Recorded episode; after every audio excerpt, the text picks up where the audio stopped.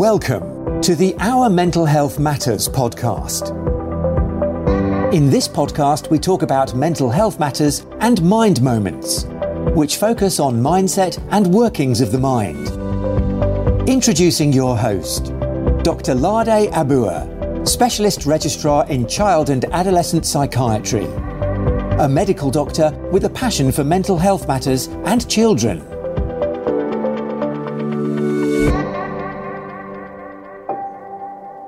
Welcome to our Mental Health Matters podcast. It's Lade here. I have a very uh, important guest uh, today. His name is Peter Shankman. He is an entrepreneur, he's a journalist, he's an angel investor, he's an international speaker, and he's host to one of the top ADHD podcasts. And most importantly, how I found him was through his book, Faster Than Normal that book has so much information and tips for anyone who has, has ADHD or the carers um, or friends and family, and also for people who don't have ADHD. So Peter is a four times author, I think, and he's a two times best-selling author. Am I right, Peter? You are five-time author, two times bestseller. Ah, yes. Okay. So thank you for coming on the podcast, Peter. My pleasure. Glad to be here. So, would you like to start uh, by telling us a bit about yourself? I know I've tried to do a, a, bit of summary, but I don't think I've done enough justice to it. Well, yeah, I mean, I've worked really hard, had a lot of success, gotten really lucky, and I think a lot of it is attributable to my ADHD. You know, I didn't realize growing up, I didn't ADHD didn't exist. Growing up for me, it was um, it was called "sit down, you're disrupting the class" disease. You know, yeah. and um, as I got older in my 30s and I realized I was finally diagnosed, I realized all the things that I was doing yeah. uh, to sort of survive when I was a kid were all the things that were helping me do so well as yeah. an adult. Um, you know, just the way I work, the way I focus, the way I function, you know, all these things that I was doing, I thought they were all just um, ways of life. But it turns out that if you play it right, you can be very, very successful yes. um, using those skills that I learned. And so for me, that was when I realized that that my ADHD was actually a gift and not a curse. I mean, I've started and sold three companies. I'm an angel investor in several other companies. I've, I um, have the number one podcast in ADHD. You know, so all these things for me were really. Uh, I realized that a lot of my my skills and my talents were coming from the fact that I just I, I bust my ass on a regular basis and yeah and so for your book, Faster Than Normal, I am what I usually because I, I, I love reading. What I usually do with books is I get them on Audible first. I don't know if you know if you're aware. Of course, you'll be aware of Audible because you've got the book on Audible. So I first get the books on Audible. I listen to them, and then I decide if I shall get a paper copy or not, um, just to keep for myself. And from the first, you had me from the first sentence of the book where you said, Hi, I'm Peter Shankman. I'm the most ADHD person you would ever meet. And I was like, I was like, oh my gosh, this this must be really interesting. I have to get um, a hard copy. Um, so, would you mind sharing your ADHD journey with us uh, and myself and the listeners, just so we have an idea? Yeah, I mean, for me, it was really about you know growing up as a kid, you know, I was very different. I wasn't like anyone else, and, and yeah. it was tough because if you're different growing up in school, if you're different, that's wrong, you know. And, and so it was, it was tough. I was, I was, a, I had no social, social, social acuity of a turnip. You know, I wasn't, wasn't very popular, and, and it was difficult. Um, but what I realized is that over time, what I was doing was, again, figuring out ways to. What I thought was figuring out ways just to survive actually turned out to be figuring out ways to um, to grow. And, you know, a great example, I was, uh, at one point I was diagnosed with dyslexia, and the doctor said it might be a better idea for me to, um, to type my notes. And so I got this little tiny typewriter, uh, okay. and I take to school with me. And of course, that was different, and all the kids would, you know, make fun of me for having it. And still, yeah, that must have been really tough. Until I realized I could print out my notes for them. Yeah. Right. And as soon as I did that, okay, well, there you go. I can now help other people. So, you know, it, it's for me, it's really about going to trying different things and not being afraid of what other people say, taking and, and working with those differences. Yes, yeah. And uh, for, from what you've said, it must have been quite difficult for you growing up. And it, it usually is quite difficult for people who have ADHD or, you know, just like you, you pointed out something else, dyslexia. Um, you know, you know, when they have to sit with their peers or when it's, it's obvious, uh, you know, they're different. So how, did you ever come across people who felt maybe uncomfortable with you being different and how did you handle it? Yeah, I mean, you know, in the beginning, it was always very scary, and I, I, wanted to be liked by everyone. And then over time, I just realized it wasn't worth it. You know, yeah. I, I'm not going to waste time on people who don't get me. Yeah. Life is way too short for that, and so yes. I learned to focus on the people who do get me. They're much yeah. better, yeah, and um, to have fun with that. And you know, I, I think that's probably one of the one of the best lessons I learned was that you know, life is too short to sit there and care about what other people think. You live your life, you do what you do, and you have, try to have fun with it and uh, if they can't, if, if people in your life don't know how to deal with it, then they're not people you want in your life. Yes. Um, and, and I totally agree with that and actually encourage that as well um, with people who are come, uh, come across who have ADHD. And I actually said something along those lines today uh, where I, I, spoke about being having relationships and uh, connections with people who get you and understand you better rather than trying to fit in with other people and trying to make yourself acceptable to other people. Yeah, um, so you, you, in one of your scroll points in the book, you made it really clear ADHD to treat ADHD as a gift uh, rather than a disadvantage. So, um, for someone who's just been diagnosed with ADHD or, or has a family member who's been diagnosed with ADHD, their first thought will be, um, this is definitely a disadvantage. But as you've shown, as I know, ADHD can uh, be an, an, an, advantage, can be a benefit. But um, how would you advise people who are not aware of that to make use of that um, knowledge? I think the first thing people need to know is that they're not broken. Yeah. Right? Having a faster brain and a different brain does not mean that you're broken. It means that you're different. And yes. if you understand how to use those talents, those different talents to your own advantage, you can do very well. The way to explain it is if I was used to driving a, a, a you know, a Honda all my life, and then all of a sudden I get a Lamborghini. Yeah. Right? Yeah. I'm not going to as long as if I don't know how to drive that Lamborghini, I'm going to crash into it into a tree. Yeah, but if I do know how to drive it, yeah. then I'm going to have this incredible ride. So you're not you're not broken just because you have a faster brain or a faster car. Yeah. You just have to learn how to drive it.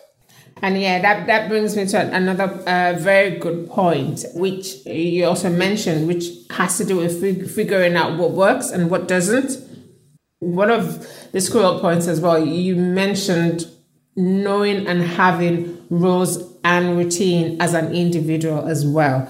So, how would you advise uh, people to go about, you know, figuring out what works for them and what doesn't work for them, and how to put rules and routines in place?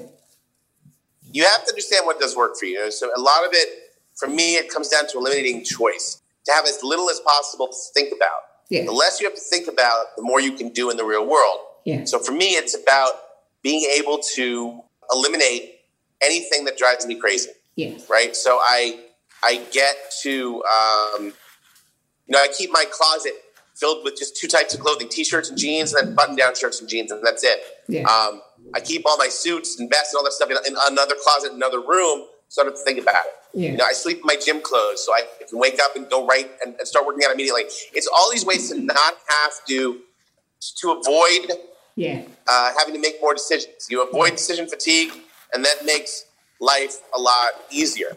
And when you're ADHD, the last thing you want is to constantly think about decisions. So the best you can do, the best decisions you can make, are not having to make them.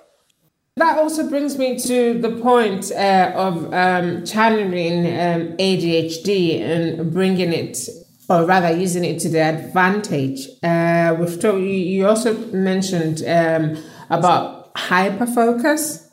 And so, how would you advise people to develop this within themselves as an individual? I think again, you know, you know what you have to do. You yeah. know where your um, where your talents are. Yes. And like for me, my hyper focus comes to me when I'm on a plane. I can get on a plane and and work nonstop, Yeah. right? Being able to do that and being able to, you know, sometimes I'll take a flight just to write. Yes, I, I, I recall Faster Than Normal was written on a plane. I think it was it Yeah. a country in Asia or so. Yeah. Yes. And and some so like I'm I'm flying to Tokyo, I'm flying to Hong Kong in two weeks for work. I Mm-hmm. can't wait just to get on that plane and start to write. I have so many things I want to write, and I'm waiting. I'm waiting until I get on the plane so I can do it. Yeah. So, you know, again, it's it's understanding how you do the best Yeah. and using that Mm-hmm. to to get whatever it is you need. Yes. Going back to uh, what we've talked about in terms of discrimination and um, being able to, you know, accept that you are different, you're not broken, and you are gifted in terms of the ADHD and a faster than normal brain. What would you say? Because I, I, I noticed in the comment from the person who did, I think it's a doctor who wrote the foreword for the book about your mom being present in all your events. Am I correct? Yep. Yes. Yeah. So, um, from the angle of parents uh, who have children who have ADHD, how would you say your mom has been able to help you? I think that my parents, they never stopped loving me and they always knew I was different, but they never forced me to be like everyone else. Yeah. They let me embrace my differences and that really worked in my to my advantage. Yes. So to be there and to be supportive and, you know, to ensure that the children or their wards are, are aware that they're loved and they're loved and accepted, I would say. Um, so would you say they faced any challenges with you growing up? I mean, it was tough. Growing up was difficult. I had a um, a lot of people who didn't believe in me. I, I had teachers who never understood why I was so weird. Yeah. Um, I had very few friends because I was very different. You know, so it wasn't until I said, like I said, I got my, my mid thirties where I really started to um, come back from that level of uh, craziness and get back to some level of, of, of normalcy in that regard. But yeah, it was really about uh, knowing that even though I was different, that's okay. Yes. Uh, so we, I know when we did the interview with you, um, you mentioned exercise, and I know from a few of the chapters from in, in the book, you talk about activities that can help to charge the brain and help you know get the focus going on. Um, aside exercise, is there anything else you do that helps you? Exercise without question. That has to happen every single day. I find that when I eat healthy, I tend to feel better. Oh yes, you did mention that as well. And then I do, you know, I have I have certain things that, I, that help me reset my brain. Uh, Yeah. skydiving, for instance. Um, Yes. I do Ironman triathlons. Things that normal people would think are crazy, but again, work for me. Yes. So essentially, know what, what works for you as an individual, explore and find out and use that. That's what you would Yep. you would say. Yeah, never never be afraid to explore and see what's happening. Yes. Oh, that, that's that's really good. Um, going back to uh, the differences in the diagnosis um, in the UK and the US as well. I spoke about the the diagnose, diagnostic process in the UK. How do you think the difference between the di- diagnostic process in the UK and the US helps, or would I say, puts the US or the UK at a, an advantage or disadvantage, if you know what I mean? I think it is an advantage. I think that, you know, we have to stop thinking about it as a condition or as a, as a disease or as something you're afflicted with. Yes. It's just a different, your brain just functions in a different way. That's all. Yes. It's not like a cancer. You know, it's not like a disease that needs to be treated. It's a disease. It's, it's not a disease. It's a, it's a brain that, that runs a little differently. And you can learn to use it to your advantage. And, and I, people just, I can't, I can't stress that enough. Yes. So, have you written any other books on ADHD besides Faster Than Normal? No, Faster Than Normal is the first one I wrote on ADHD. I hope to write more. Yes, I was just going to ask that as well. Do you have any more um, in the works? I have things, yeah, I have a couple of things I'm working on, definitely. Okay. And uh, I know you also in in the book you mentioned about a community called ShankMinds. Yep, ShankMinds is an online mastermind and entrepreneurial group. It's an accountability group for entrepreneurs. You don't have to have ADHD, although most of us do, but it's it's designed to give entrepreneurs friends because we tend to not have a uh, entrepreneurship is very lonely. Yeah, yeah, it is. It is right, and so it's nice to be able to have. Um, people you can rely on and count on as friends. Okay, okay. Um, so, ha- having uh, talked about your book extensively, what would you advise anyone who hasn't read the book? I know what I would advise anyway, but I would like to hear that from you as well. I think the best advice I can give anyone yes. with ADD or ADHD is just to understand that, again, you're not broken. Yes. And it's nice to be different. Yeah, yes. Yeah. Okay. Uh, thank you so much for coming on the podcast, Peter. Uh, it's been a pleasure having you.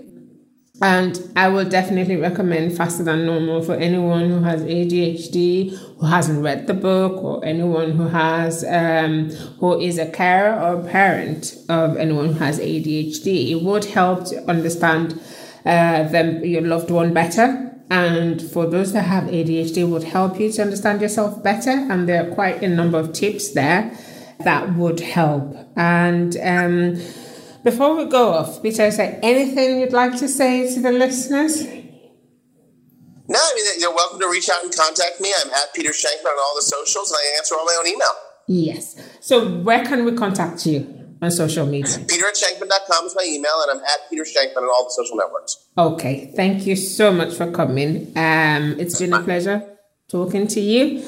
Thank you, everyone, for listening to our Mental Health Matters podcast. Uh, once again, remember empower your mind, empower your life. Goodbye.